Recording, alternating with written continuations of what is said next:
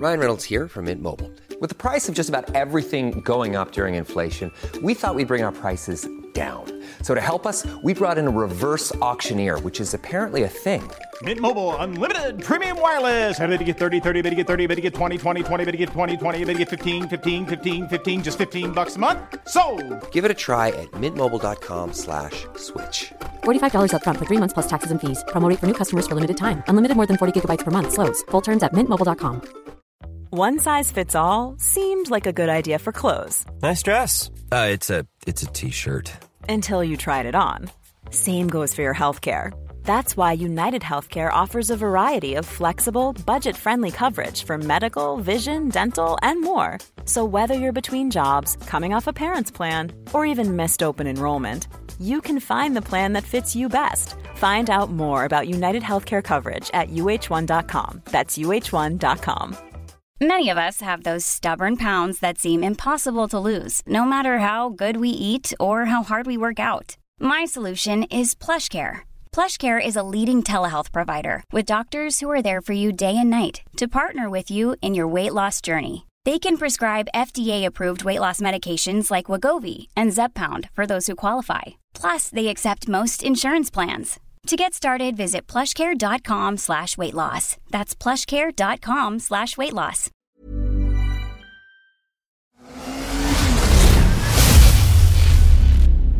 MC-podden. Du lyssnar på MC-podden. Jag heter Johan Ahlberg. Och jag heter Mikael Samuelsson.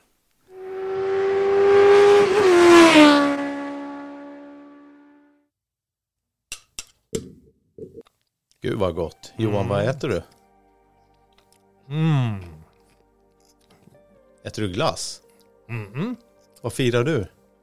Det är ju mer eller mindre vår och inte minst så är det ju 10 avsnittsjubileum. Ja, det är det. Mm. Tio avsnitt. Om du undrar varför det står en glass för dig också. Ja, jag så, ser det här. Så, Jag ser det. Mm. Gud vad smarrigt. så det är inte som att jag bara äter glass här nu. Nej, Ja. jag försökte få det att verka så. Mm. Mm. Mm. God glass. Och så är det ju fredag. Mm. Fredag, vårdkänslor och um, 10 avsnittsjubileum. Mm. Dessutom är det lön idag. Ja, det, det kanske det var också. Ja. Mm. Men igår Johan, igår fick jag en enorm vårkänsla. Mhm. När jag åkte hem från jobbet. Tyvärr åkte jag inte hoj. Men det var ju ja, 12, 13, 14 grader. Sol. Det var nästan så det dammade på vägarna. Grym vårkänsla. Mm. Jag vet inte, jag slutade. Jag mötte också, jag körde faktiskt inte heller hoj igår, men jag mötte på en sträcka om några mil här i norra Stockholm. Eh, eh, Det måste ha varit fem hojar kanske. I alla fall, på den korta stunden jag var ute. Så att det var nog ganska mycket hojar ute igår faktiskt. Är, Alla utom oss Micke. det är ett säkert eh, vårtecken. Dessutom så en kollega till mig, han kom fram till, min, till mitt bord där jag sitter och så sa han, ser du borta vid min plats? Nej, jag ser inte, så jag. Men du måste ställa dig upp. Och så kollade jag, då har jag en klädhängare bakom, då hängde det en MC-jacka. Och så jag, jaha, du åker hoj? Jajamän, sa han. En Så riktig hojåkare. Jajamän, Nej, skamligt. Vi får skärpa oss. mm, verkligen. Bättring lovas. Nästa podd eh, så kanske vi har kört hoj och man vet inte, snart kommer vi säkert kanske börja spela in ett och annat avsnitt eller delar av ett avsnitt av MC-podden där ute i verkligheten också. Mm, det ser jag fram emot, Ja. verkligen. Slipper sitta i den här garderoben. Ja, men skål då Johan, Ja, eller vad säger man skål. om man äter glass? Ja. Och Jag vet, firar. det är lite... Mm. Det var gott. Ja. Eh, men eh, nu var det inte glass vi skulle prata om, men... Eh, Nej, just det. Ja. Vad har vi framför oss idag? Jag är lite uppspelt. mm. Eh, för jag ska prata om, eh, vi har ju diskuterat det Johan, så i det här avsnittet så kör vi en liten, vad, vad kan vi kalla det? vi kan kalla det en riktig, riktig ret, retroblick, återblick. Nej men eh, hojporträtt. Ett hojporträtt över eh, hojar vi ägt eller äger. I det här fallet blir det en hoj som jag faktiskt äger idag. Mm. Och det är en riktig klassiker Riktig ikon. som eh, heter G6R 1100. Och den G6R-modellen finns ju fortfarande idag. Så det ska vi prata om. Sen har vi ju en riktig härlig gäst. Olle Sarri i Mm. det här avsnittet. Och eh, ja, en riktig tv, filmskådis, kändis, men som också eh, jag har haft äran och du också träffat vid flera tillfällen i motorcykelsammanhang. Eh, inte minst när han körde på Gotland, när han körde GGN för ett antal år sedan när vi var där. Mm. Och eh, han fick för sig att han ville genomföra den tävlingen. Och fantastiskt roligt. Jag kommer ihåg där vi stod och hjälpte honom i den så kallade eh, hästskon där i geggamojan och allt. Eh, eh, han fick kämpa men han hade, hade ju onekligen jäkligt roligt. Så att, eh, ja.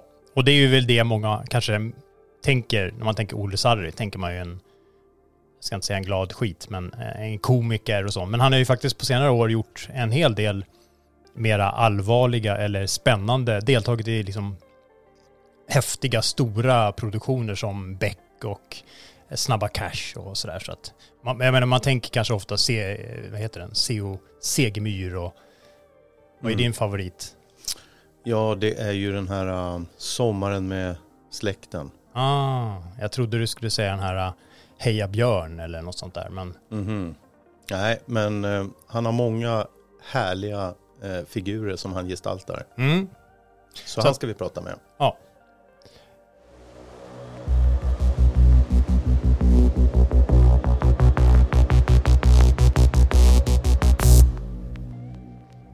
Mm. Fruktansvärt gott. Mm. Väldigt gott. Vi har ju tjatat ganska mycket om mjukglass här i podden. Nej, inte vi. Du. Ja, jag. Okej. Mm. Det låter ju som att det är bara jag som gillar det, men jag vet ju att när jag väl bjuder det här på glassen nu så... Ja, jag tackar inte nej. Jag bangar inte. Så det är klart att jag kommer äta glass, men det är du som tjatar om det. Mm, ja, Och då, då, jag, jag ber om ursäkt. då behöver inte jag tjata Nej. heller om det. Vi ska ut och åka hoj, helt enkelt. Och eh, det, det har ju liksom dragit igång, så det är ju också värt att fira. Alltså att, ja, i mellersta Sverige, eller vad man ska kalla det, runt Stockholmstrakten där vi håller till just nu, har ju i alla fall det dragit igång, kan man säga. Ja, men vår, våren är runt hörnet. Ja. Det känns. Ja. Och allra helst igår när vi fick uppleva att det var sol och över 10 grader varmt när man åker hem. Mm. Jag är ju fullt medveten om att det är en och annan i norra Sverige som fortfarande eh, kanske rent av ute och åker snöskoter och så. Men, men att, eh, ja, våren kommer väl dit så småningom också såklart. Och då kommer de där härliga känslorna där också. Då kommer alla känslorna på en och samma gång. Mm. Mm. Nej men Micke, jag tänker att eh, jag, jag känner att, eh, jag vet ju att du har en enorm kärlek till din gamla Gixxer, Suzukis häftiga sporthoj. Mm. Och du vet ju också kanske att när jag berättade om eh, hur mitt hojåkande började, då, då var det ju så, jag berättade det i tidigare avsnitt här om att jag eh, höll på och nördade med cyklar och så en sommarkväll så åkte jag upp till eh, ett område där jag bodde och där fladdrade det fram en galning på en just G6R 1100 och han stod upp och körde på bakhjulet och det var där mitt MC-intresse föddes. Ja, men samma sak för mig. Eh, minnena från när man åkte in till stan Mm. och hängde vid Sveavägen. Det var ju det att eh, de allra coolaste hojarna, det var ju G6R 1100 Mm. som de hade där. Det enda felet här var ju att han körde ju på en svart G6R 1100. Mhm. Nu ska vi inte gå in på detaljer här, vad som är rätt och vad som är fel och det är i betraktarens ögon såklart. Mm. Men i min värld så måste jag ju erkänna, ehm, och det är inte för att du sitter inom stryplängds avstånd från mig här nu, utan eh, jag tycker ju den färgen du har är ju liksom, det är ju den färgen en G6R 1100 ska ha. Mm. Blåvit. Ja. Och det var den precis jag var ute efter. För jag tänkte så här, när de åkte runt med de där på Sveavägen så var det ju ingen som eh, hade den registrerad på sig själv. För det var ju skyhöga försäkringspremier. Mm. De hade den ju ställd på någon farmor i Norrland eller någonting. Det var ju sådär, det var ju jättedyra försäkringar. Mm. Sen var de ju dyra hojarna så att jag kunde ju bara drömma om att ha en sån där hoj. Så nu eh, 2010 fick jag för mig att köpa en sån där. För jag hade bevakning på Blocket. Och då kom det ut en blåvit. I Malmö av alla ställen. Men innan vi kommer dit så kan vi ta, lite bakgrund på G6R. Lillebrorsan 750 den kom ju 85. Och 86 året efter, då kom ju 1100. Och det är lite roligt här Johan, jag försökte göra någon efterforskning och det har jag gjort redan tidigare. Men vad tror du G6R står för? Mm. Det borde jag ju veta. Borde du veta det? Mm, jag tycker det. Nej, men det är inte lätt att, att, att hålla i minnet. Men det, det står för Grand Sport Experimental Racing. Och experimental, det börjar ju med E. Så där har man gjort en liten, man tar X istället. Han var lite modern. Ja, så Grand Sport Experimental Racing. Och eh, när den där 1100 kom ut, då var det ju liksom med Lillebror som kom ut 85 så var ju det, det var ju det värsta man kunde ha liksom. Och de presenterades som extrema sporthojar. Ehm, och eh, endurance, i, i sann endurance-anda då så hade de ju dubbla strålkastare också. Det liksom kännetecknade de här hojarna och sen var det ju en, en massa plast naturligtvis. Men ett, eh, en sportig körställning och sådär. Och då tänker man så här, de hade ju dubbla strålkastare och på den tiden, jag vet inte om du kommer ihåg det Johan, så fick man bara ha ett, halv, ett halvljus. Så då var det som så att då hade man inte dubbla, men det har jag konverterat min till så att den lyser dubbelt. Gjort en så kallad fulkoppling. Har ingen fulkoppling, det, eh, regelverket har ju ändrats. Så man Nej, jag får tycker ju på bara- många gjorde ju det på den tiden. Eh, Ja, men jag fick ju byta hela insatsen. Därför att det var ju ingen halvljusinsats. Så jag köpte den på skroten och satte in och kopplade på det sättet. För jag ville ha en bättre ljusbild. Men sen är det så att eh, vi har ju pratat med eh, folk eh, om det här med, och jag träffade ju Björn Gunnarsson tidigare sådär. Han förklarade för mig, eh, Björn, Gunnar, eh, Björn Gunnarsson. eh, Du menar eh, Isle of Man Björn, race-föraren? helt rätt. Ja. Jag har ju träffat han vid ett tillfälle. Han förklarade för mig vad det är med dubbla strålkastare. Och de var olikt inställda på endurance eh, sätt. Så att den ena var ställd lite högre än den andra.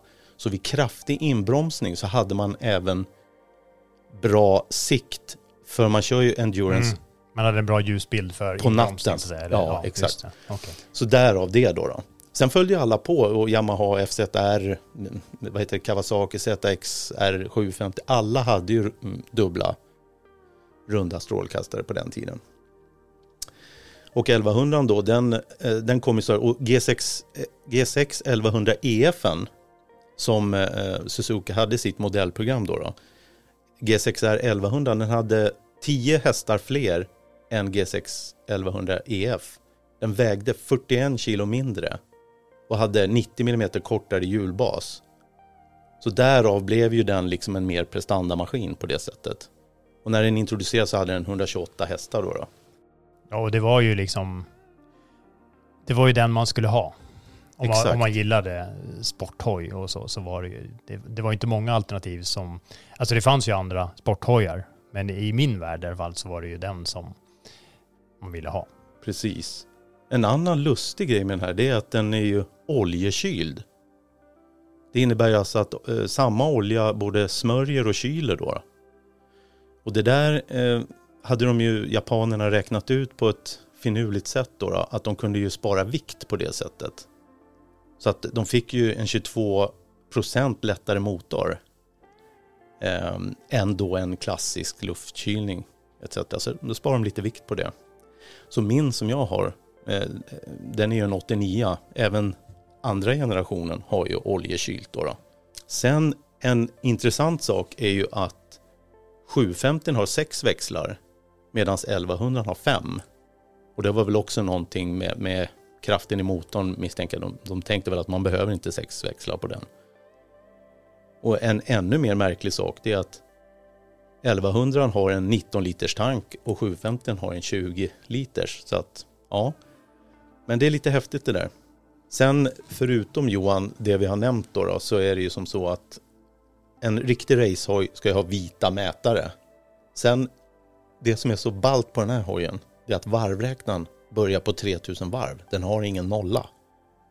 Det kommer jag ihåg att man tyckte var så här, wow liksom. Den börjar på 3000 varv. Mm.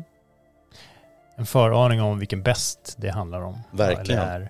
Men jag tänker, jag känner att det är lite på plats för eh, jag råkar ju titta i, ja, i årsbladet eller vad man ska kalla det från Suzuki som gavs ut eh, i samband med att den här modellen kom ut på marknaden. Och Mm. eh, det är ändå lite roligt för det är en röd rektangulär varningsruta. Och jag måste ju bara läsa till. Jag tycker det, kör. OBS! G6R 750 samt 1100 är inte på något sätt svårkörda eller farliga. Race-egenskaperna samt den låga vikten i kombination med hög motoreffekt gör dem däremot inte lämpliga för nybörjare. För den erfarne och välutbildade entusiasten finns det inte säkrare och roligare motorcyklar än G6R. Men är inte det en charmig text? ja, ja. Vi har alltså ett produktblad från 1986 Ja. och det är en röd varningstext med det innehållet. Mm. Nej, jag tycker det är charmigt.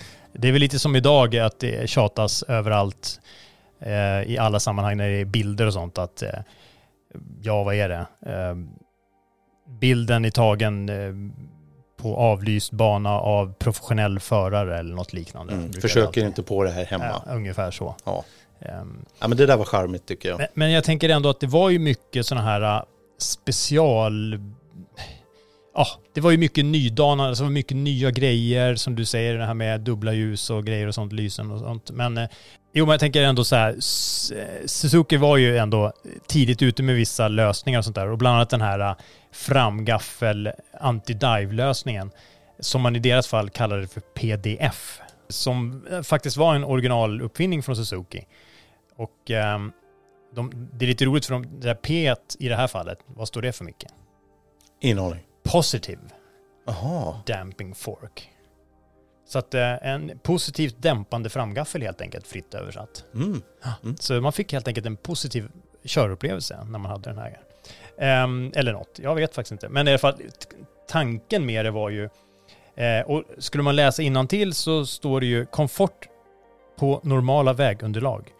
Bättre manöverbarhet och fjädringsreserv vid krävande körning på slingrande vägar med sämre vägunderlag.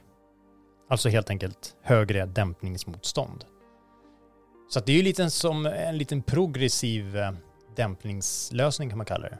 Hur som helst var ju det här ett sätt att eh, få till så att det liksom inte skulle bli en gungig fjädring som skulle bottna. Utan det skulle bli tuffare och tuffare motstånd ju mer den trycks ihop framgaffeln. Och det finns ju fortfarande idag. Och det är ju, jag bara menar, det är ganska intressant att de var så tidigt ute med det här. Jajamän. Ja, även fast det kanske känns som en självklarhet för vissa. Men det var det ju inte på den här tiden. Men, men Micke, jag vet ju också att alltså, om man jämför med dagens maskiner så har det ju hänt mycket såklart. Och det är eh, kanske liksom eh, stabilitet och allt sånt där om man Mm. skulle så. Men det var ju ändå ganska, om man tittar på effekt kontra vikt, Mm. så var man ju redan då ändå hyfsat med matchen. Nej, men det inte hyfsat. På den tiden så var det marknadens bästa vikt-effektförhållande. Mm. 1,51 kilo per hästkraft. Ja. Så jag menar, det är, det är bra tryck i maskinen Ja. då. Men ja, även men nu. Det, det funkar ju även Mm. idag så att säga. Um, onekligen. Men hur, hur är det liksom bromsar och sånt då? Ja, men det, går- det går inte att jämföra. Det är klart att bromsarna, det finns ingen ABS. Det, det, är, det är ju skivbromsar Ja, såklart. ja. Men, men eh, man, man märker en skillnad. Men jag tycker de funkar eh, he, helt okej. Du hinner stanna när, när det slår om till rött. jag hinner stanna. Och det, Ja. det är inte så att jag bränner omkring på den här. Det här är ju en liten, en klassisk hoj. Jag finåker ju med den. Ja. Det är en Men- mjukglasshoj. En mjukglasshoj. Och det Ja. har ju blivit det. Mm. Men ehm, min hoj då, då, en 89, det är ju andra generationens. Så då blev den ju lite, lite fylligare i, i kåporna och sådär. Och sen så ändrades ju en, en, en del andra saker. Men jag köpte min, jag hade ju bevakning på den där, så jag köpte den i Malmö 2010. Och jag ringde ju till han som sålde den och frågade en jäkla massa. Jag bad honom skicka bilder. Det är svårt med bilder, det ser alltid bättre ut på bild. Mm. Sen åkte jag tåg ner. Jag tror jag prutade till och med på telefon lite grann. Eh, Ganska att, fräckt alltså. nej, men det var inte så fräckt för att vi hade en bra dialog han och jag. Eh, så jag prutade då och sen så åkte jag tåg ner och sen tog jag den där hem då. Anledningen till att jag valde den här, det var precis som du sa Johan, den var blåvit. Mm. Men den hade också original servicebok. Det är nog inte vanligt. Och sen hade den den här enkelkutsen som är rätt stor. Som täcker passagerardynan bak då. då. Eh, Man tar bort passagerardynan och så sätter man dit en kuts. Mm. Med en kudde på då. då så att man, får, man blir riktigt ombonad på hojen. Mm. Eh, Den hade det och sen hade den originalsystemet på avgassystemet. Så att den hade liksom allting och när jag kommer ner då, så min första tanke är så här, va- vad gammal den är. Den är ju dock sliten, det är ingen ny hoj. Men jag provkörde den lite där och sen så gjorde vi affär och så åkte jag hem. Och Malmö, det är 60 mil bort Johan. Mm. Jag hade sjukt ont i kroppen när jag kom hem. Men för den som minns i ett tidigare avsnitt där du gjorde en liknande resa eh, någonstans söderut så var det betydligt kallare kanske. Mm. Du kör, körde i DR750 i en Ja, ja. skitväder Ja, precis. här, nu, här var det varmare Johan. Mm. Vädret var kalas. Det Mm. regnade ingenting och sådär. Men körställningen och ovanan från mig gjorde Ja. att jag hade... Ja, men jag, jag kan referera till min kompis som har en Yamaha FZ R1000. Han säger det ska göra ont att åka sporthoj. men, men det var nästan lite patetiskt det där. Ja, jag hade ont i kroppen. Men det var så roligt det där, när jag fick hem den där. Då, då hade man den här hojen som jag ville ha när jag var 18. mm, Och så försäkrar den där och den, den är ju klassiker Johan. Den är ju jättebillig i försäkring. mm, Jag, jag har Bilsport och MC försäkrat den där. Så den är ju en, en klassiker. ja. Den är numera skattebefriad. Och när den sen fyller 40 år, då blir den ju besiktningsbefriad också. Så att det är lite häftigt. Det jag har gjort på hojen, det är ju det att eh, jag började med att byta eh, slangar då, så jag har stålomspunnet på den. Och sen så nytt drivpaket och nya däck satte jag på ganska omgående. Men sen så... Men eh, stålspunnet, vi pratar bromsslangar. Ja, och precis. varför gjorde du det? Nej, men jag gjorde det för att den är ju äldre hojen. Mm. Jag vill ha, jag vill kunna stanna. Mm. Så jag vill inte att det ska hända någonting. Nej, du Och tänker på eventuell sprickbildning Ja, och sådana ja, saker. det är dags att byta och sen att stålomspunnet skapar ett en mera jämn bromstryck, bättre bromskänsla och liksom Ja, men jag, kände, jag, jag kände att det blev som en säkerhetsåtgärd då, då. Ja. Sen höll jag på att vårda den där hit och dit. Men sen tänkte jag, det var vissa skrapmärken på kåporna. Och kåporna är ju hela helhetsintrycket på den där. Och, och det var lite nere på bukkåporna där så var det skrapat på båda sidorna. En backspegel var skrapad och till och med lite trasig i leden så jag fick sitta och peta upp den när jag åkte så här hela tiden. Men då, då åkte jag Johan till, eller först så forskade jag lite efter lack, en lackeringsfirma. Och så jag frågade runt lite. Då blev jag hänvisad till ProBike i Täby. Och jag åker dit med den här. Och, och, och när jag kommer dit så är det, det är ju liksom ett, ett custom-ställe Johan. Det är lite så här Harley-feeling över att komma dit. Jag, jag tänkte, jag vet inte, hamnade i den här Kawasaki 125 gamla radiosketchen. Där är en Harley Davidson butik.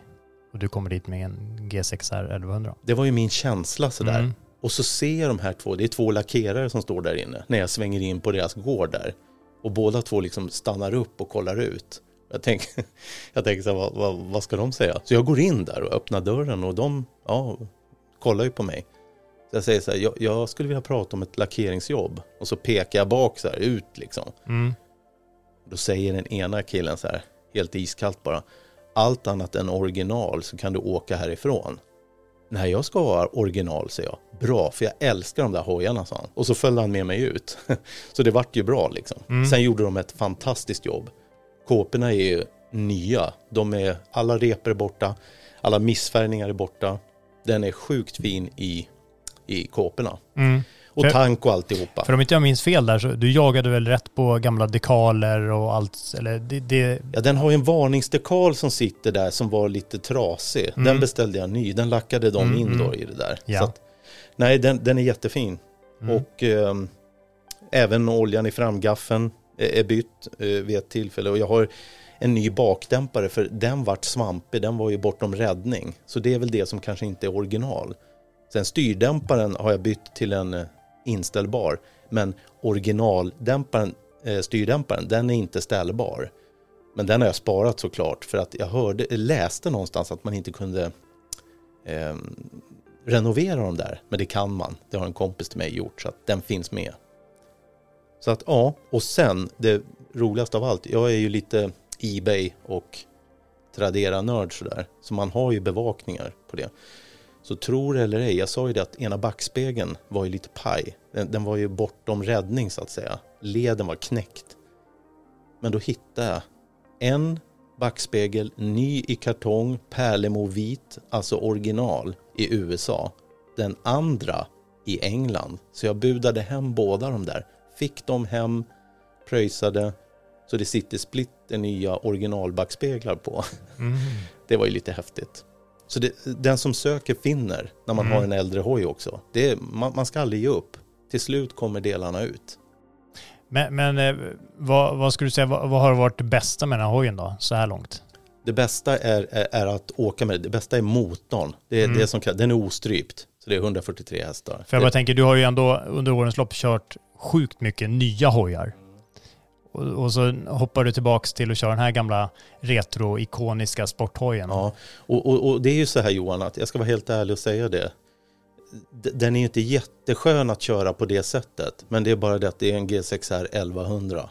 Det är det som är grejen. Mm. Det är rå kraft, den, motorn är fantastisk. Den är ju skottsäker enligt folk. Liksom. Den Mm. är fruktansvärt eh, bra. Och jag, jag, jag kör ju lite olika tester med min kompis som har FZR 1000 då. Han har en 89 också. Och det var det värsta konkurrenterna på den tiden. Mm. Men eh, om han lyssnar på det här kanske han blir lite arg. Men jag, jag vinner 9 av 10. Ja. Men jag vet ju, eh, jag ska låta vara osagt om det är just R-modellen eller om det är ES eller EF. Men den, själva GSX 1100-motorn i alla fall har ju varit flitigt eh, använd som just dragracing-motor som man har trimmat hysteriskt. Ja, ja. Och, de, och den är lätt-trimmad, det Ja. säger ju folk. Och det var ju sjukt populärt. Man höll på och grejade ja, med allt, allt turbo. Och, men överhuvudtaget om man inte höll på med turbo så trimmade man dem ganska friskt. Eh, ja, på själva, vad ska man säga, vanligt traditionellt vis. Men, men jag tänker, vad, vad är liksom upplevelsen så här? Jag menar, jag har ju själv någon sån här eh, konstig liknande variant som jag gärna skulle vilja ha i garaget och det är ju en, en gamma, en RG 500. Det skulle vara en sån drömmaskin att ha. Mm. Eh, och jag var ju väldigt nära. Jag hade ju en RGV 250 i ett antal dagar som jag körde omkring på och liksom tänkte att jag skulle köpa, men jag gjorde det inte. Och jag kan tänka mig att det var lite den, ja det blir lite, man har någon slags sån romantisk bild av en hoj som man gärna vill ha. Och jag Du bara har- tänker på hur är det rätt. körupplevelsemässigt då? Liksom, Ja, sväng. du, du, har, du har helt rätt Johan. Det är ju liksom själva känslan Mm. och själva eh, körupplevelsen Mm. som blir lite annorlunda. Ja. Men jag tycker att, nu- nu var 89an känd för att vara lite bångstyrig. Ja. Så 90an som kom året efter, då var det ju upp och nervänd framgaffel, de förlängde svingen, bredare bakfälg. Men, men vi pratar alltså extremkörning på bana i höga Mm, hastigheter. Det kommer ju inte jag upp jag känner ju ingen skillnad så. Nej. Men körmässigt så är det så här, nej men det, det, det är den hojen. Mm. Likväl som en 500, RG 500 gamma. Det, det är själva känslan, det är Ja. det. Sen hojen i sig. Om du skulle sätta på en katana också, det har jag gjort. De är smala som bara den, känns ju inte mycket till hoj va. Nej. Men det är ju en katana så Mm. att det, det är den känslan. Vet du förresten vad den här kostade ny 1989, min hoj jag Oh. köpte? Vad skulle du gissa då? Så här, 1989, vad kostar en helt ny? Alltså, jag tror inte man är jättelångt ifrån vad de kostar nu kanske. Va? Gissa då, kör. 120? Nej, 77 900. Oj! Ja, 89, det är länge sedan Johan. Ja. Sen så tog jag reda på, eller jag har, vi har ju de här broschyrerna, jag har ju broschyrer kvar. Jag är lite nördig så jag har sparat det, det var det, den vi läste ut. Mm. Eh, jag har ingen prislista från 1986, men jag har en prislista från 87. Och då kostade 1169,9. 750 10 000 mindre, 59,9. Oj. Så det är lite häftigt. Det har hänt, hänt någonting med priserna. Ja, verkligen. Och eh, synd att säga Johan, men jag går i tankarna att i år faktiskt, nu när jag har pratat om den här hojen så mycket, jag, jag går i tankarna att sälja den. Mhm. Jag tänker att den ska få gå vidare för jag skulle vilja prova något annat. Ja. Och, och vad det blir, det vet jag inte än. ja. Så om det är någon lyssnare som är Det är intresserad. en jobbig tanke förstås, kan jag tänka. Ja, jag, jag, jag känner det, för det är min hoj och jag har vårdat den ömt. Eh, Jag har alla tillbehör, alltihopa. Men jag känner det. Så är det någon lyssnare som är intresserad så får ni Mhm. väl skicka något meddelande. Ja. Men, men jag funderar på att sälja den. Ja, nej, men det är, det är onekligen en hoj som fortfarande lever kvar. Och eh, det är lite kul, för sen kom ju Yamaha R1 lite senare då, då, som också blev en sån ikonisk hoj som liksom många pratar om fortfarande i, i, än idag. Som det var liksom i många år som det var, aha, kör du en R1? För det var det, enda som fanns. Det var det enda folk som inte körde motorcykel visste vad det var. Och på den här tiden så var det ju det. Har du en Gixxer, har du en G6R 1100 var det ju liksom i, i kanske, vad vet jag, början på 90-talet eller slutet på 80-talet var det ju det man pratade om liksom, när man körde motorcykel.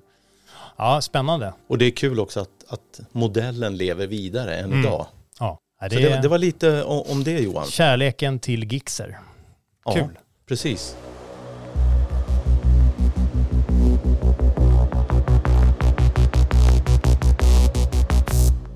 Ja Johan, men ska vi inte släppa in Olle Sarri nu då? Jo, men det låter roligt.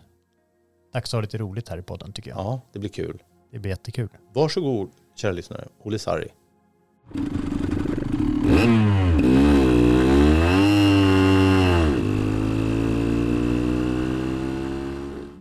Jag är Olle Sarri och jag växte upp i Gamla Enskede och eh, jag bor på Södermalm, Högalid, samma kvarter sedan 98. Och eh, ja, ja, men så är det. Och min fjälla från Skåne, hon trivs också jättebra så att vi, jag kan tänka mig, det vet vi inte om vi är där tills vi dör, men vi trivs väldigt bra. Mm. Inget garage, eh, tyvärr, men så är det. Och garage, det skulle du vilja ha för att ha Ja. hojarna i såklart.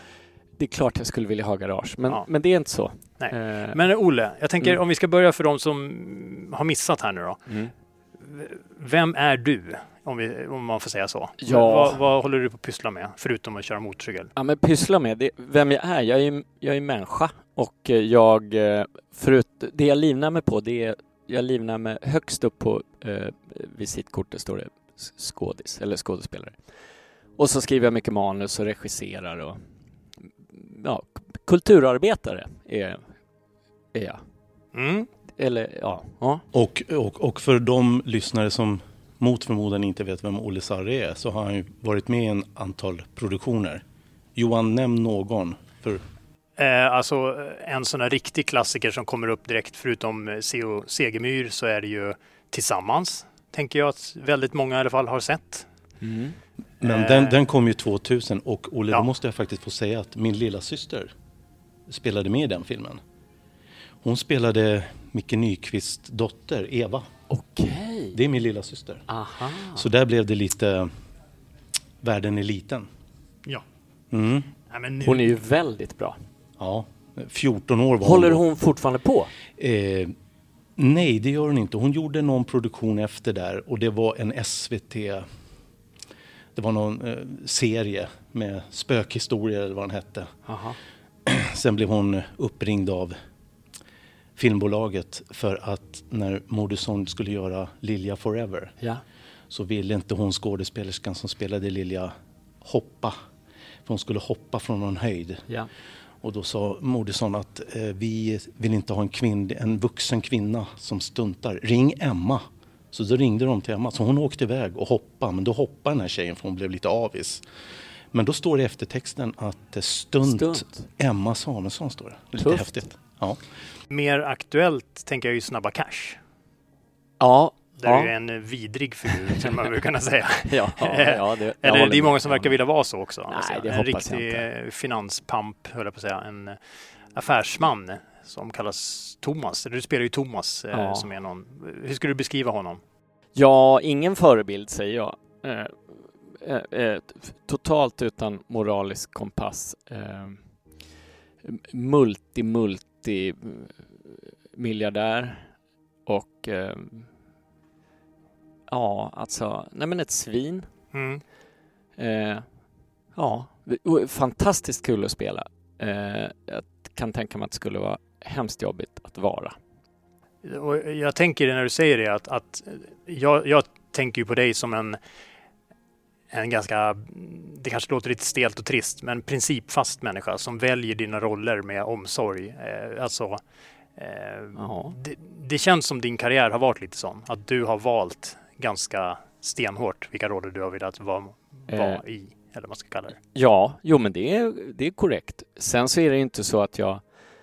För, för, nu för tiden, sedan en bunt år tillbaks, tycker jag ändå att jag är, är mer öpp, i- lite mindre snobbig, lite mindre skitnödig. Jag säger ja till saker som jag förr inte kanske hade sagt ja till, vilket jag är jätteglad för att jag gör nu, idag.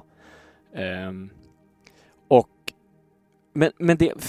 Ja, eller det, det är faktiskt både och också. Men uh, Men för mig handlar det mest och oftast om vilka vad det är för gäng eh, i produktionen och vad det är för medskådisar och. Så, där. så, och förr var jag extremt noga med det. Nu har jag lättat lite på det. Men jag tycker fortfarande att det är bra och väsentligt att vara noga med vad det är för folk som, som, eh, som jobbar med varandra. Ja. Eh, ja, och eh, avslutningsvis innan vi går vidare på eh, vårt kära ämne motorcyklar så sk- skulle jag vilja säga att en favoritkaraktär för min del, det tycker jag är eh, Sommaren med släkten heter den va? Där du spelar Björn. ja. Ja, den ja, är fantastisk. just det, Björn. Även där heter jag ju Björn. För du tänkte på en annan Björn? Heja eller? Björn. Heja Ja. Björn. Ja. Mm.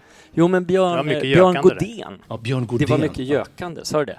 ja. Ja, det var ju korrekt. Det var ju faktiskt så här.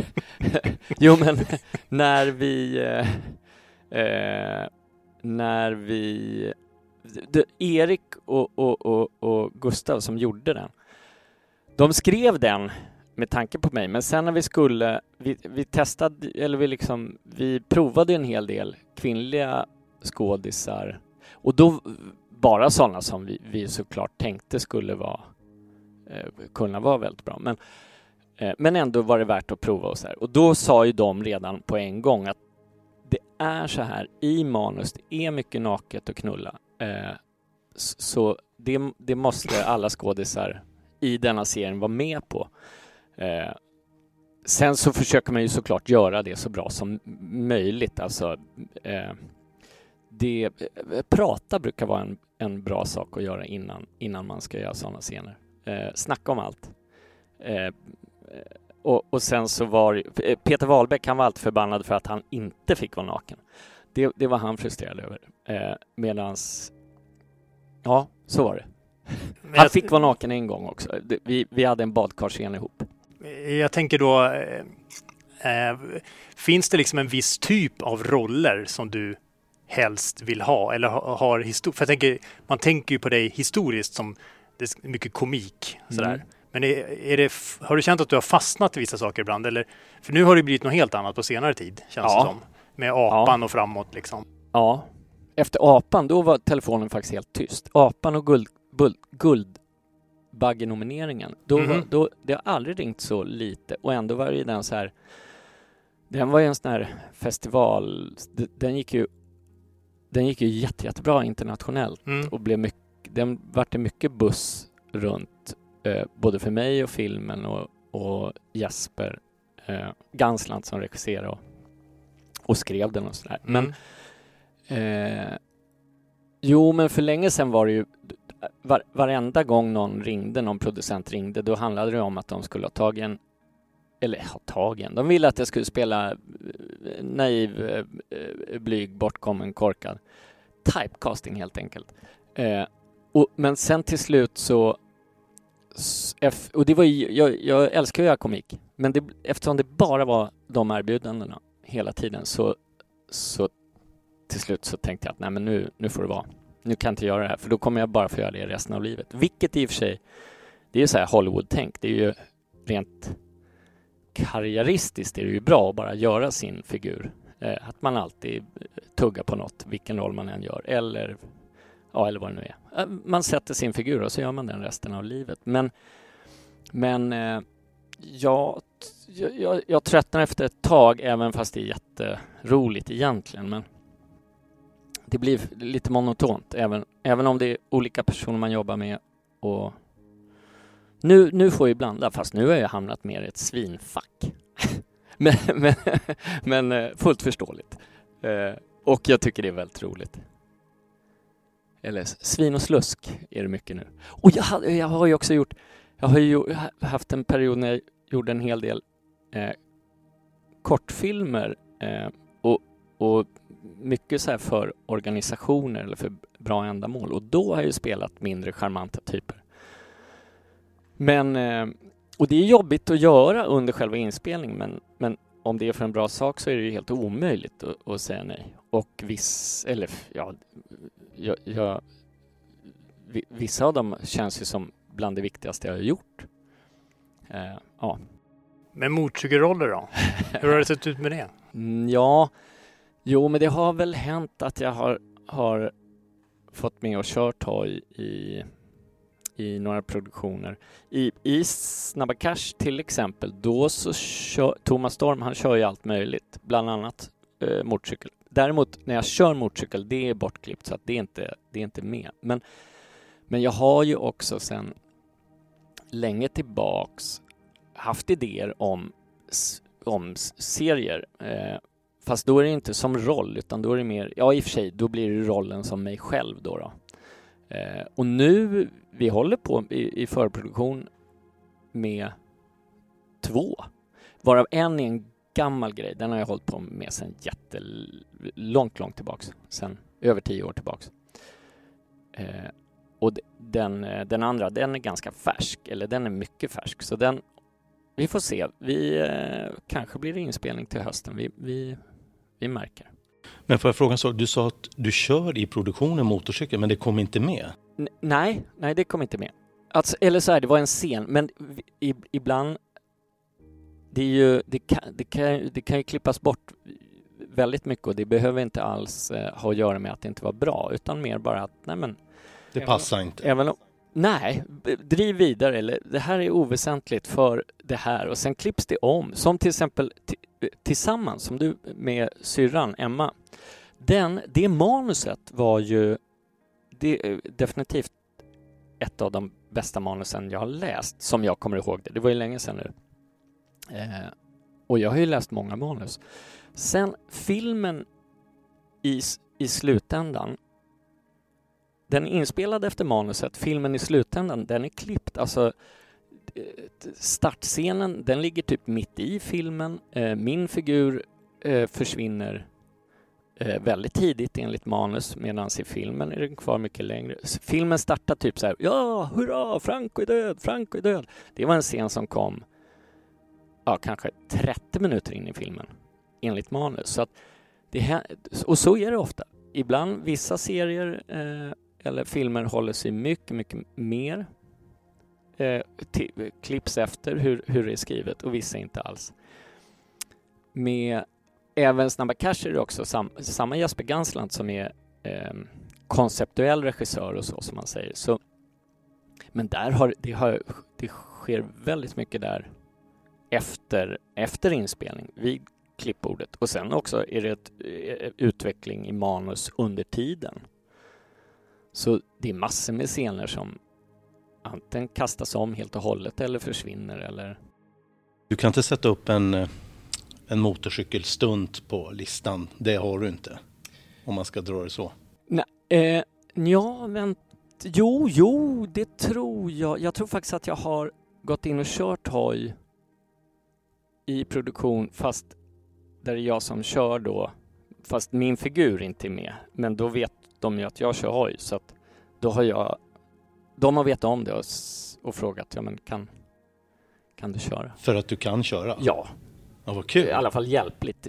Ni skulle nog säga att ja, kan köra kanske att ta i, men jag, jag har ju jag har ju tagit körkortet en gång i tiden i alla fall. Men, och jag kör mycket. eh, Men Olle, nu ska du inte förminska det. Du har ju faktiskt, för de som inte vet, till och med varit och kört på Gotland. Ja, Gotland ja. Grand National. Ja. Jag kommer inte ihåg hur många varv det blev, men du tog det runt i alla fall. Något Jag varv eller två eller tre eller och fyra. snackade. Ja, det blev tre varv till Ja. slut. Men det var mest, mest stopp och prat. Ja, jo, men jag minns där hur vi, Micke och jag, stod och pratade med dig i Hästskoda bland annat. Oh, ja, det kommer jag också ihåg. Och jag kommer ihåg hur det var när jag körde iväg.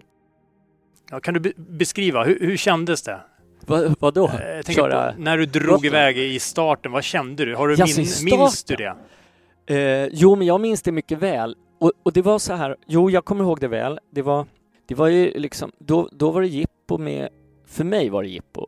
Och, och, och det var med Suzuki och det var med Patrik Budda, eh, då hette han ju Andersson, nu Ljungqvist, eh, och Mattias Sernholm.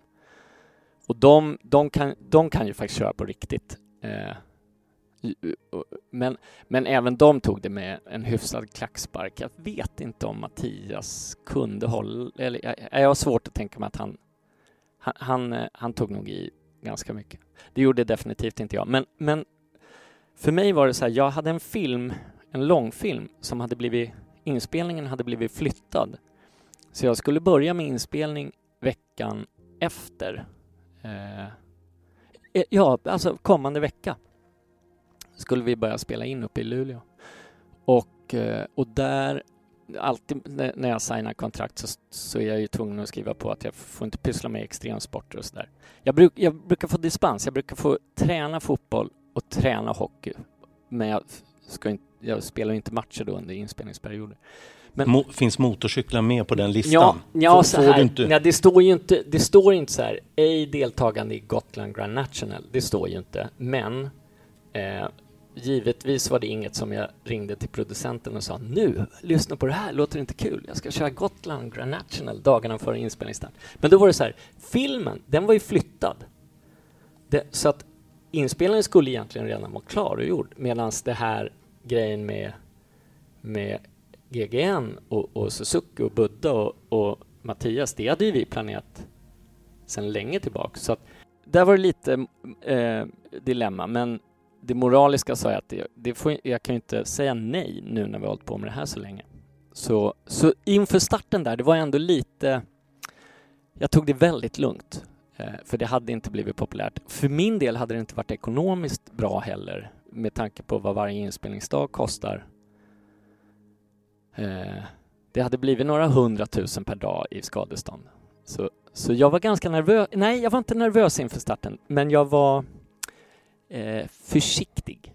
Vilket ju sällan brukar vara bra i och för sig. Att kö, liksom köra, kör försiktigt är ju bland det sämsta man kan säga till någon. Det är bland det vanligaste folk säger, men jag tycker att det är ju inte så klokt. Kör klokt däremot, det är ju klokt. Ja, ja. Nu kanske, ja, det var, jag tycker att kör försiktigt, det ska man aldrig säga. Men Olle, kan du inte berätta lite hur, hur började ditt motorcykelintresse? Vad har du för första minnen? Och hur startade allt? Eh, då var jag fyra år uppe i Hälsingland och Magnus Lind som var med i Perssons pack, eh, musiker, som var polare med mamma och pappa, hade ställe där uppe också nära oss. Han, han kom på sin eh, BMW Boxer, eh, ja, ombyggd snuthoj, eller inte ombyggd utan bara eh, begagnad.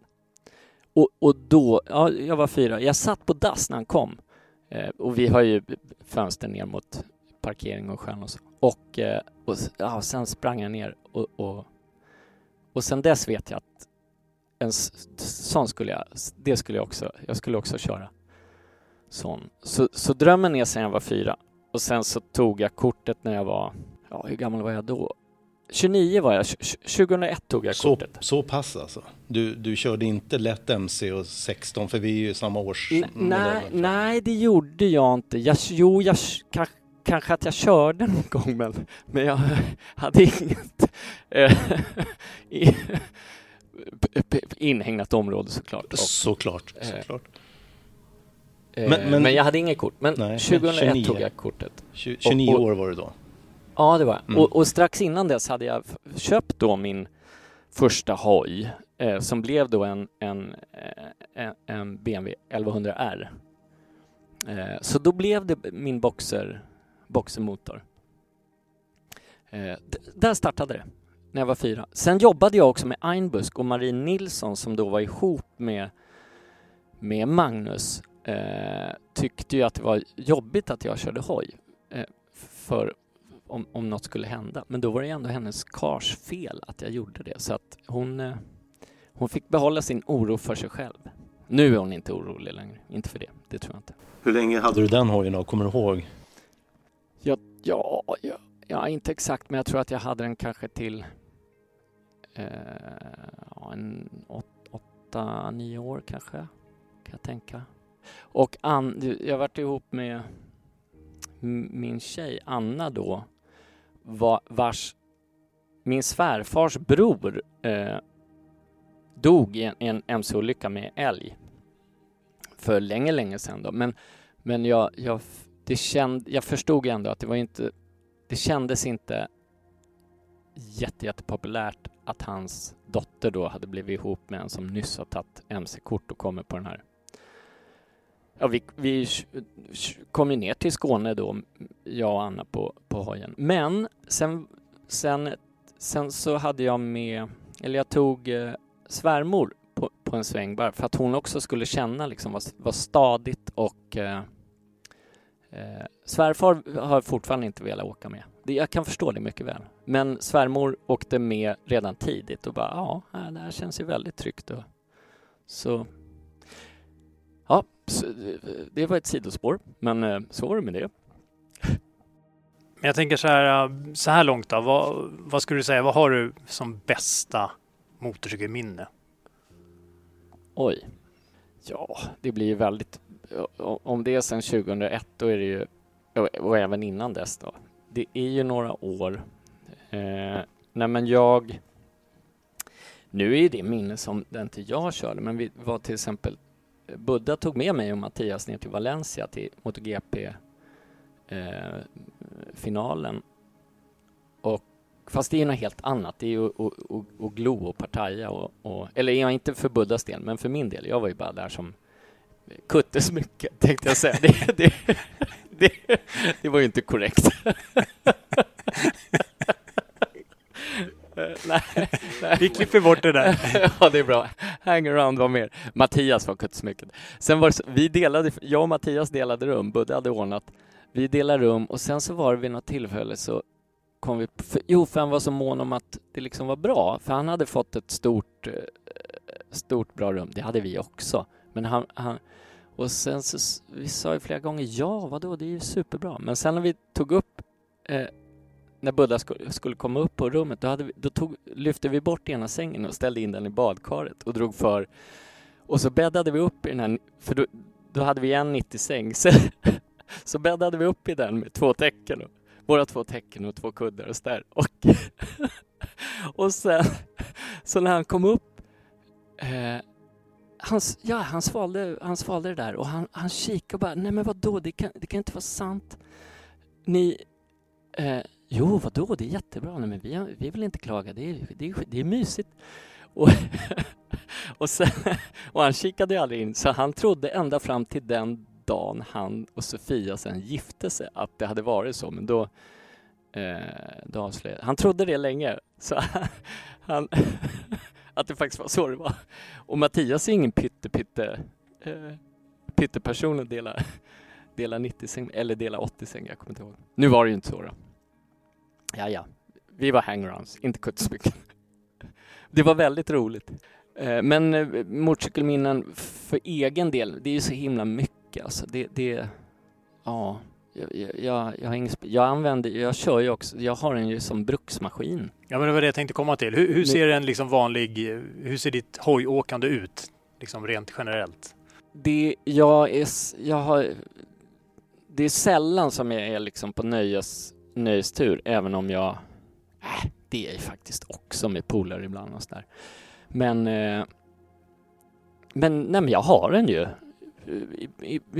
det är ju det är fantastiskt smidigt sätt att ta sig fram och det är ju, det är ju markant mycket lättare att parkera också än, än, eh, än med bil. Ja, för du bor ju centralt mitt i smeten Ja. kan vi kalla det. Ja. Och sen är det så här, om jag ska någonstans bara inne i stan, Eh, då cyklar jag jämt.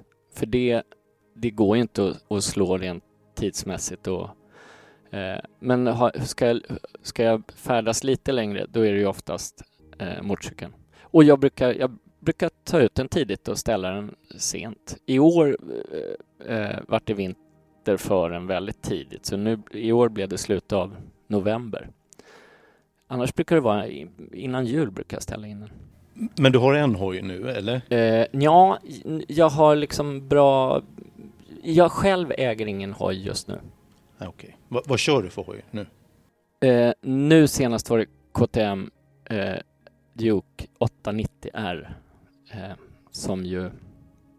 Ja, det är ju fantastiskt såklart. Alltså, och med vad, vad tekniken är om man jämför då med min första, som jag ändå tyckte var väldigt utvecklad, och det, med ABS och äh, äh, ja, som det ju var då på BMW, jag, jag har, de var väl väldigt tidigt med det.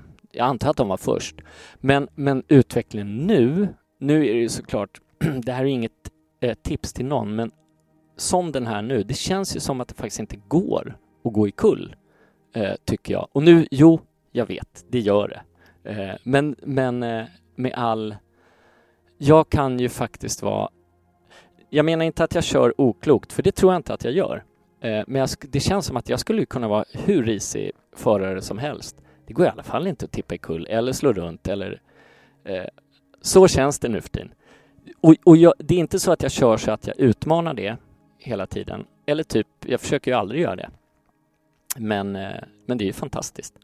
Ja, men jag förstår din känsla för det är tekniken som man känner sig trygg med. Ja. Och det är det du menar att det, det, det Ja, finns och att- där och då är ja. det i stort sett, ja, men det är en säker, mm, en säker, eh, vad heter det?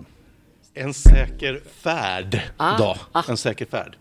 Säkert, det låter som en filmtitel. En säker färd. Ja, i och för sig, det kommer inte sälja så bra. En säker Den säkra färd. färden. Och den kommer jag se. Mm, precis, den sista färden. Vad händer då? Nej, det händer inte så färden. mycket. De har det lugnt och skönt. Ja, det- ingen gick omkull. Men jag tänker så här, du, eh, du har ju ännu inte så vitt jag vet spelat någon roll i, i Hollywood. Nej. Och, eh, men det kanske finns på agendan, eller vad vet jag. Men jag, jag ser framför mig hur du brakar fram där och eh, eh, alla paparazzi står överallt eh, som Hollywood-kändis. Eh, då tänker jag så här, när man kör motorcykel, det innebär ju en, eh, vi kan kalla det en viss form av anonymitet. Mm. I alla fall i synnerhet om man har integralhjälm på sig. Mm. Och Det brukar jag ha. Ja, det, Ja. då tänker jag så här. Nu vet ju inte jag riktigt hur klimatet går att jämföra med i Sverige. Eh, när, om man säger så här då. När du kör motorcykel Mm. så är det ju väldigt få i alla fall, om ingen, som vet att det är du som färdas fram på den här motorcykeln. Mm. Och eh, är det någonting som du tycker är, liksom, ger en extra dimension åt hojåkandet som ändå är en, liksom, en kändis som kanske inte jag, jag menar inte att du kanske alltid till dagligen blir stoppad hejvilt överallt av allt och alla men ändå så händer väl det ändå att folk tittar och man kanske inte alltid får känna sig helt Privat. privat. Men på motorcykeln så får du det. Mm. Alltså, j- Är det ja. skönt? Ja, eh, eh, precis så. Jag har, eh, jo men så, och och det är inte så att jag tänker på det aktivt ofta, men när jag kör tänker jag faktiskt ofta på det. För att då kan jag sitta och stirra på folk precis hur jag vill när som helst. Jo, det är jätteskönt. Och dessutom är det så att jag kan titta på folk och, eh, och inte behöva vara rädd för att de hejar tillbaks och så tror de att vi känner varann. Vilket vi kanske gör, för jag kan inte vara säker på att vi inte gör det. Så, jo, det är jätteskönt. Eh, sen är det ju oerhört skönt jämt att åka hoj och det tycker faktiskt jag oavsett väder också. Nej, det, är det 10 mil och alldeles för kallt, ja då är det ju för kallt. Men eh, annars så jag, jag, mig bekymrar inte. Eh, det finns ju bra grejer att ha på sig. Nej men jag tycker det är jätteskönt. Är det inte jobbigt att cykla med integralhjälm? jo, men eh, det är ett vad. Och nu, nu är jag inne på sjunde året. Så jag gör det. Jag tänker så här. ehm, hur, hur skulle du säga? du tar din hoj, din eh, 890 Duke och drar iväg. Hur, hur ser den där eh, riktigt härliga hojdagen ut om du får välja helt fritt? Du får eh, ledigt hemifrån från alla bördor. Och kanske va- vart åker du? Ja, men det första jag tänker på ändå, det är eh, Ellen. Hon är, hon är eh, våran äldsting. Vi har en sladdis som är fem. Ellen är 13. Hon älskar att åka hoj. Så att hon... Eh, Anna tycker det är jättemysigt typ en gång per år när det är strålande sol och så här och man bara puttrar runt i stan. Ellen, hon älskar att åka. Så då, eh, då oftast när det är så här ren och skär nöjestripp, då är det med Ellen. Eh, och då är det, ja, då drar vi, det, det, det spelar ingen roll vart vi åker. Eh, men vi startar ju hemifrån, så först blir det ju någon, någon repa någonstans i stan, vilket ju är jättemysigt att bara puttra omkring. Och sen så drar vi iväg. Eh, ofta brukar det vara med något badstopp, kanske långt ut på Ekerö eller, eller söderut eller Ja, det brukar ingå någon, eh, någon hamburgare och pommes, kanske lite glass. Mjukglass väl- kanske? Kanske mjukglass, kanske. Mm. Så det kan ju ändå vara klassiskt. Eh, Mm. eh, jo, men det, då, när det bara är bara eh, liksom åka för att åka, då är det en eh, alldeles utmärkt. Och för att själv kör jag ju så mycket ändå. Och alltid när jag har, när jag är på inspelning och så här, då brukar eh, det brukar ju vara poppis. Det är, det är ju ganska ofta folk vill åka med och sådär. Och, och jag brukar alltid låta, den, den som sitter bak på och bestämmer, den, den får tjoa och hojta om den tycker att det går alldeles för långsamt. Då kan jag köra fortare. Eller vice versa. Nej men eh, jag, jag eh, och där känner sig Ellen också trygg med att jag kör precis som hon vill. Ja, sitter hon och ropar fortare, fortare alldeles för länge, då kör jag inte som hon vill. Utan då kör jag som jag vill.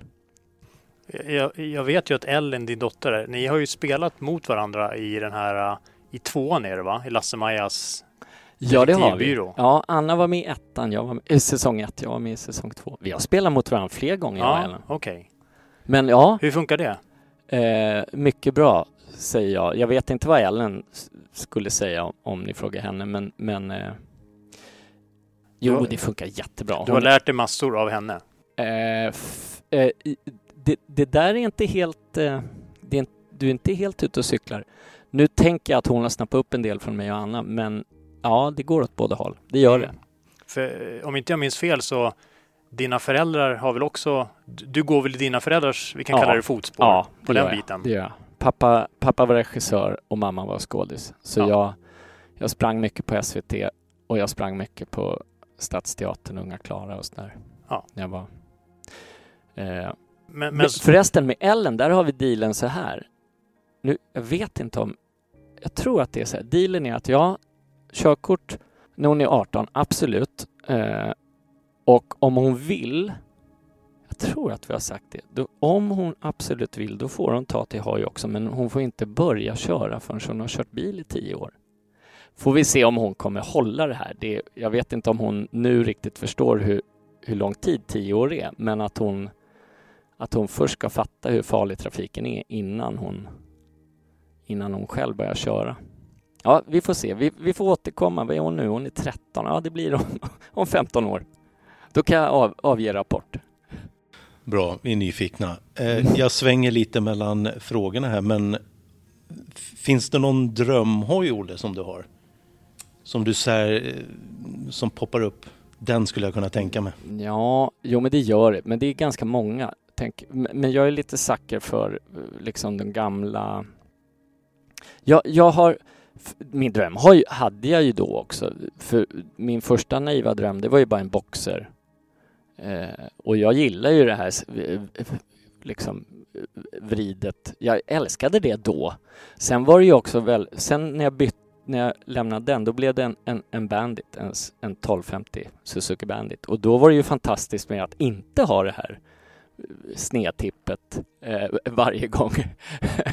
Men, eh, och nu har jag ju kört eh, drömhoj här, för nu har jag kört Duke några år och det är ju, ja det är klart att det är drömhoj, men, men eh, jag har som gammal idé att jag alltid ska köra liksom rena sitta upprätt-hojar, att jag inte ska ha...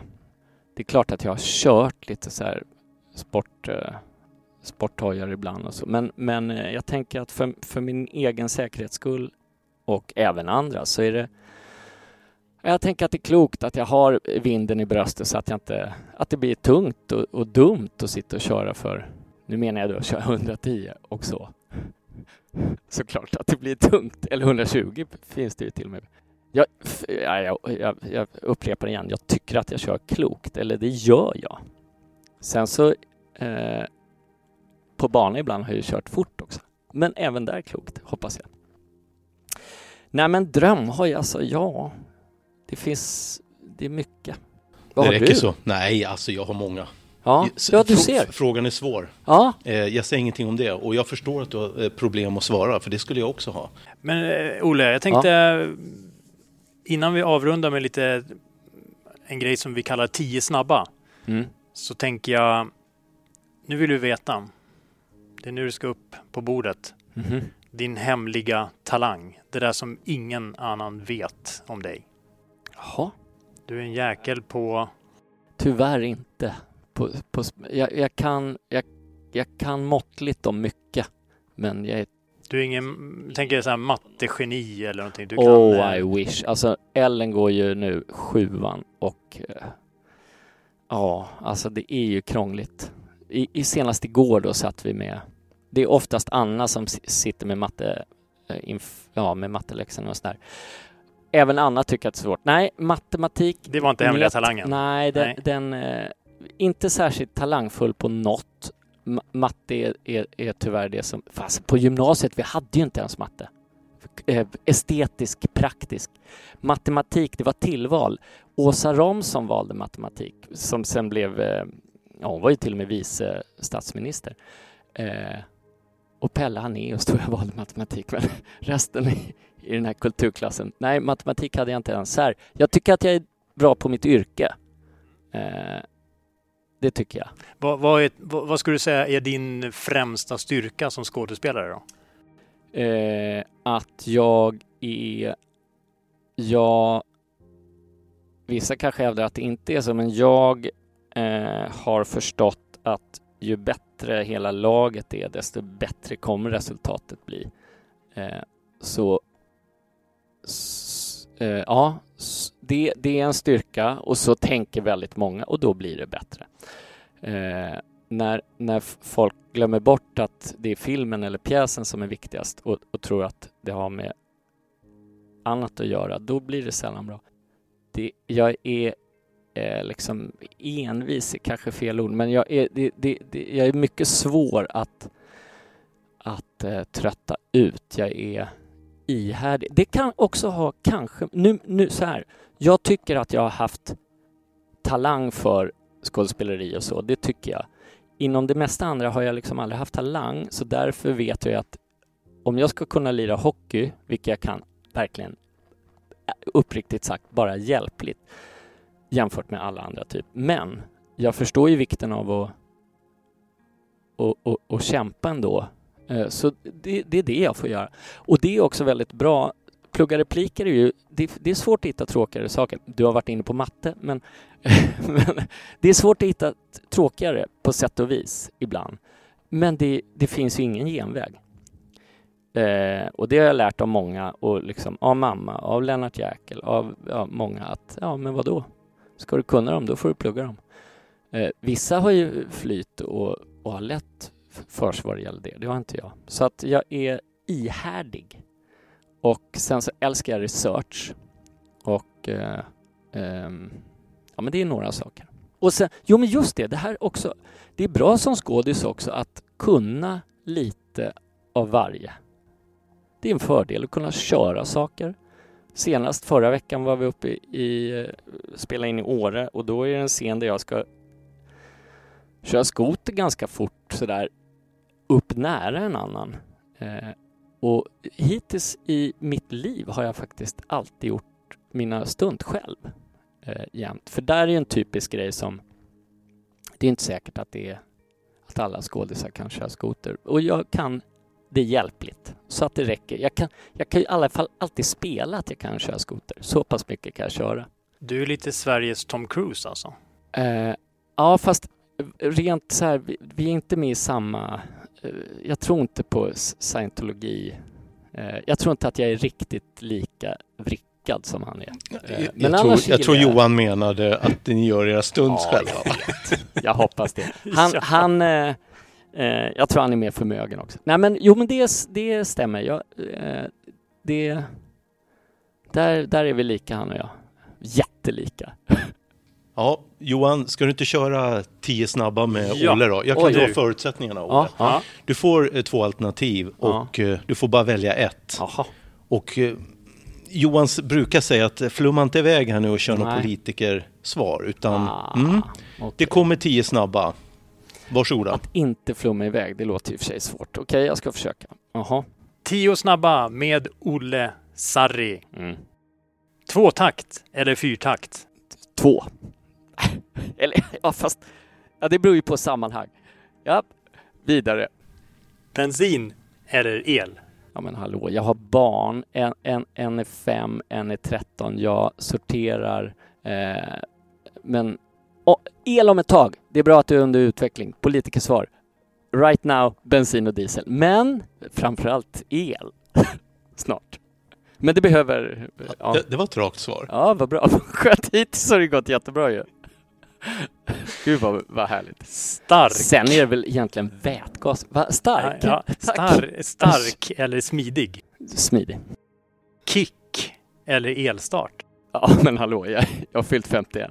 Jag, jag, och jag, vill- jag vill inte att det ska slå, sönd, slå tillbaka så jävla så. El.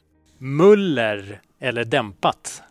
Eh, av säkerhetsskäl egentligen muller bra för du hör cykliströst där när man är på gång men eh, jag säger ju ändå då dämpat. Wheelie eller stoppie? Äh, wheelie. Bönpall eller enkelkuts? Bönpall. On eller offroad? On egentligen. Ja.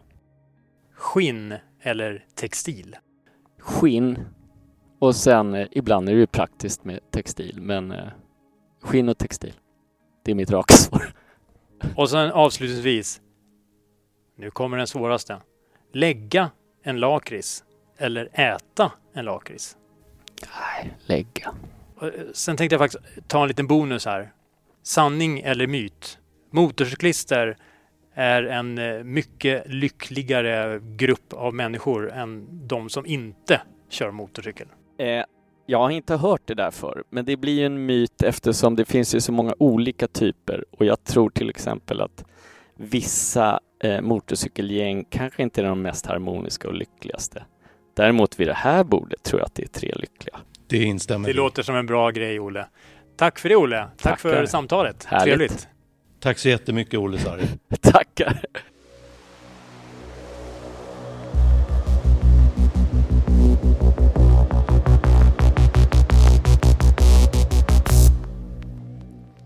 Ja men Micke, nu har vi fått lite eh, glatt här med Olle och vi har ju pratat lite om våren tidigare och så. Jag tänker, hur, hur känner du själv liksom? Eh, Jag menar, våren är ju här, eller den är åtminstone runt hörnet. Ja. Jo- Jo- Johan, du och jag har åkt hoj eh, året runt förr i tiden. Så att jag menar, eh, när jag ska ut, ta ut en hoj för första gången så spelar det egentligen ingen roll. Men om vi pratar om min G6R 1100, den tar jag inte ut förrän de har sopat eh, och Mm. gjort va. För jag vill inte ha något stenskott på den där. Nej. Det, så enkelt är det. Och salt och grejer. Och Nej, kanske, precis. Så att den riktiga liksom eh, premiären för en sån hoj, det blir Mm. ju när de har sopat. Mm. Men, men nu känner jag ju så här som igår, eh, när vi spelade in det här avsnittet så var det på torsdagen där när det var väldigt fint väder. Ja. Då, då är det ju bara att ta ut hojen. Men däremot Johan så måste man ju förbereda hojen på det. Ja. Och då är det ju så här att det är absolut dags att börja kolla över batteriet. Ja. Eh, Jag underhållsladdar mina batterier. Eh, Jag har ju förmånen att ha två hojar, så att, men då får man ju se till att de är schyssta. Va? Mm. Och sen gäller det att kolla lufttrycket i däcken och sådär innan man beger sig ut. Va? För har, det på något sätt försvunnit luft så är inte det så himla kul. Nej. Eh, Så att det gäller ju att förbereda hojen på det och sen så ta ut den och täcka av den beroende på hur den nu står plocka fram den helt enkelt. Vad tänker Ja. du på själv? Nej men det är ju just som du är ute efter. Jag menar det är ju ingen, ro, det, det är ingen rolig känsla att gå ut till hojen och så tänker man nu ska jag åka och checka mjukglass med hojen här. Och trycka på knappen och så startar inte hojen. Nej, exakt. Eller, eller som du är inne på att man kommer på att just det, jag borde ju ha bytt däcket över vintern. Den har ju bara stått still. Jag glömde byta bakdäcket som är helt eh, platt, bara blankslitet. Eh, eller vad vet jag, jag borde kanske haft hela hojen på service. Jag menar att man ligger lite före där tycker jag. Nej men Micke, så jag tänker att eh, vi, eh, jag har varit och hälsat på hos eh, din MC och snackat lite mer med Lelle som är deras eh, riktigt erfarna, eh, skulle våga säga en av Sveriges eh, mest erfarna motorcykelmekaniker. Så att eh, han kommer med lite tips på ja, saker man kan tänka på eh, inför årets första eller de första hojturerna. Ja, men det är ju perfekt. Ja. Då hör Så. vi vad han har att säga. Ja.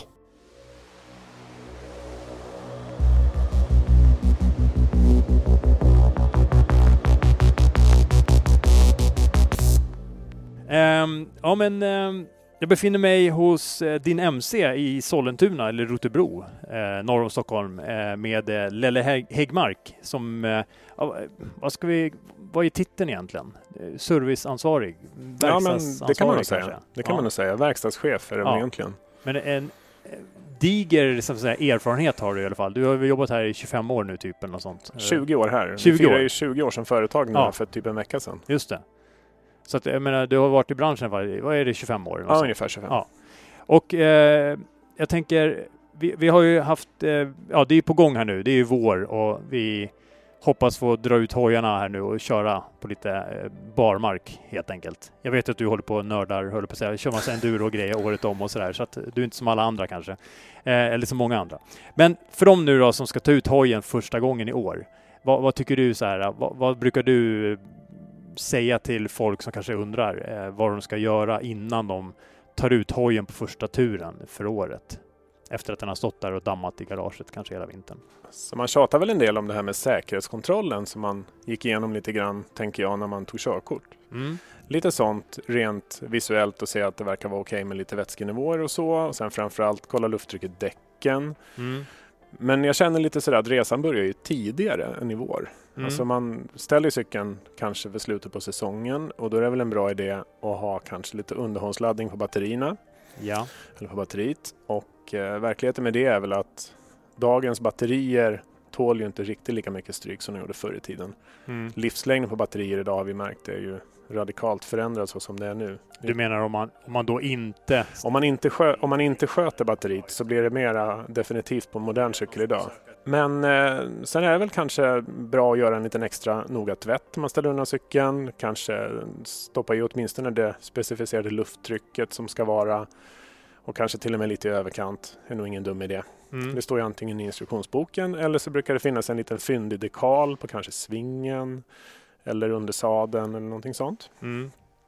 Och sen eh, som sagt, som vi diskuterat tidigare, det här med fylla upp med bränsle. Mm. Det tvistar de lärde om, om man ska tömma hela cykeln eller om man ska fylla upp den.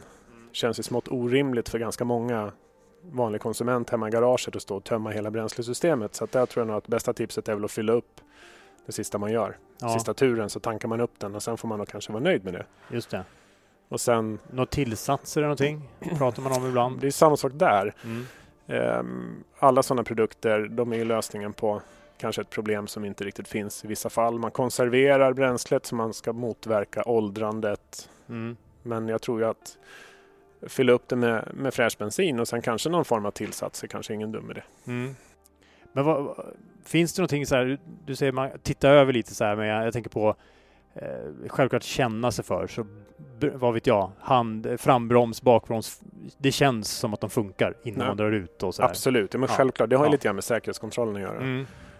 Men, eh, Kolla lite ljus och grejer och ja så. men precis, precis, precis. Men, men brukar, brukar du eh, under årens lopp, så här, har du sett eh, någon sån här generalknas som ofta återkommer som du ser? Jag tänker på, vi pratar ju om man kan smörja kedjan och kolla så att den är bra spänd eller vad man ska kalla det. Absolut, absolut. Sånt. Men brukar du se några återkommande saker som ofta är så här? Jag skulle vilja säga det är lufttryck. Ja. lufttryck. Folk kommer hit och frågar om det har hänt någonting med deras motorcykel under vinterförvaringen hemma i garaget. Ja.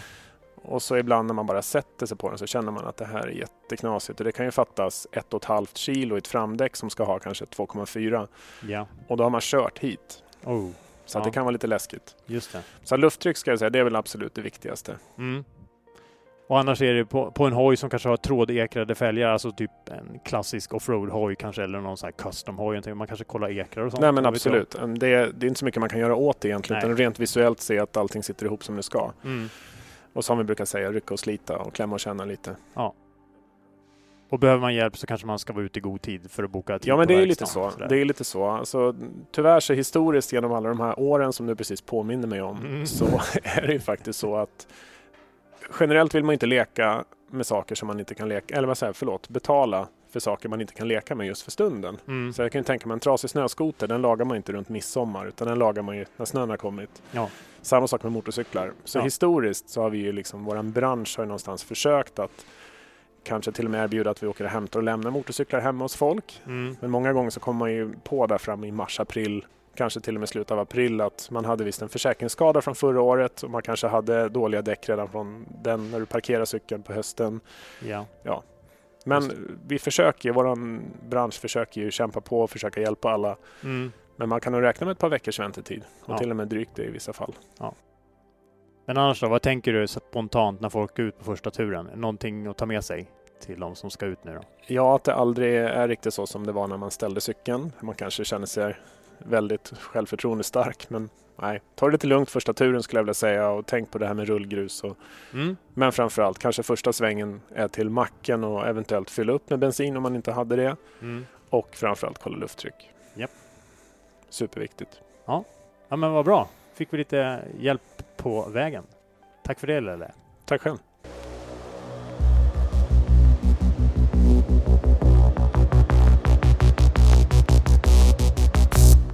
Johan, det är alltid bra att få tips från, ett, eh, fr- från en riktig mekaniker.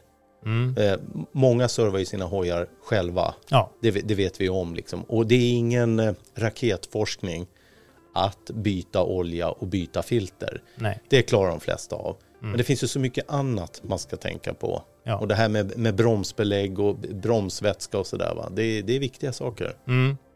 Jo men visst, alltså veta lite hur kan man se om eh, framgaffeln läcker eller hur, ja vad ska det vara för tryck i däcken och lite sånt. Eh, och lite hur man ska tänka med eh, det här, ja men batteri. Alltså när det har nått en viss gräns så är ju faktiskt batteriet förlorat. Och då är det bara att byta som gäller. Ja, tyvärr. Vissa grejer måste man byta ut. Ja. Så är det Ja. ju. Det är inte underhållsfritt. Nej. Nej. Men eh, ja, Nej, men sen är det bara att tänka på starta hojen och dra ut och njuta. Men att man faktiskt tänker på, ha på dig bra grejer, heltäckande skyddskläder såklart. Och sen att man också faktiskt tänker på att eh, man kanske själv inte är, eh, ja, har kört på länge. Så att man kanske ska tänka på hur man kör lite extra då, första turen. Man bör ju ta det lite lugnt. Ja. Lära känna om hojen. Det har gått en vinter Mm. och sådär. Det är lätt att man vill gasa. Ja. Men ta det försiktigt, känna av hojen och sen så bara njut.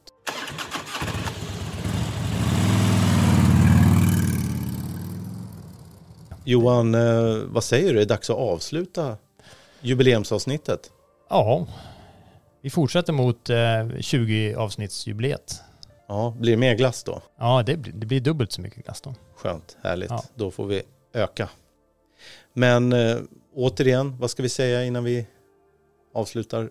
Nej, men det är väl, eh, vi kan väl, ska inte säga att vi tjatar, men eh, vi tycker ju att det är fantastiskt roligt med kommentarer och feedback och, och önskemål om gästpoddare och andra idéer om saker vi kan prata om här i podden. Så att, eh, ja, det kommer ju massa mer. Eh, var så säkra. Men hör av er till oss via våra kanaler på Instagram och Facebook eller redax.mcpodden.se och redax med X på slutet. Ja, och med det Johan så för det första, ni som beger er ut, kör försiktigt.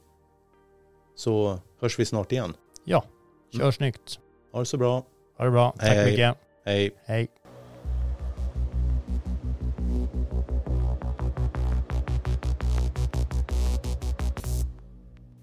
Du har lyssnat på MC-podden. Jag heter Johan Ahlberg. Och jag heter Mikael Samuelsson.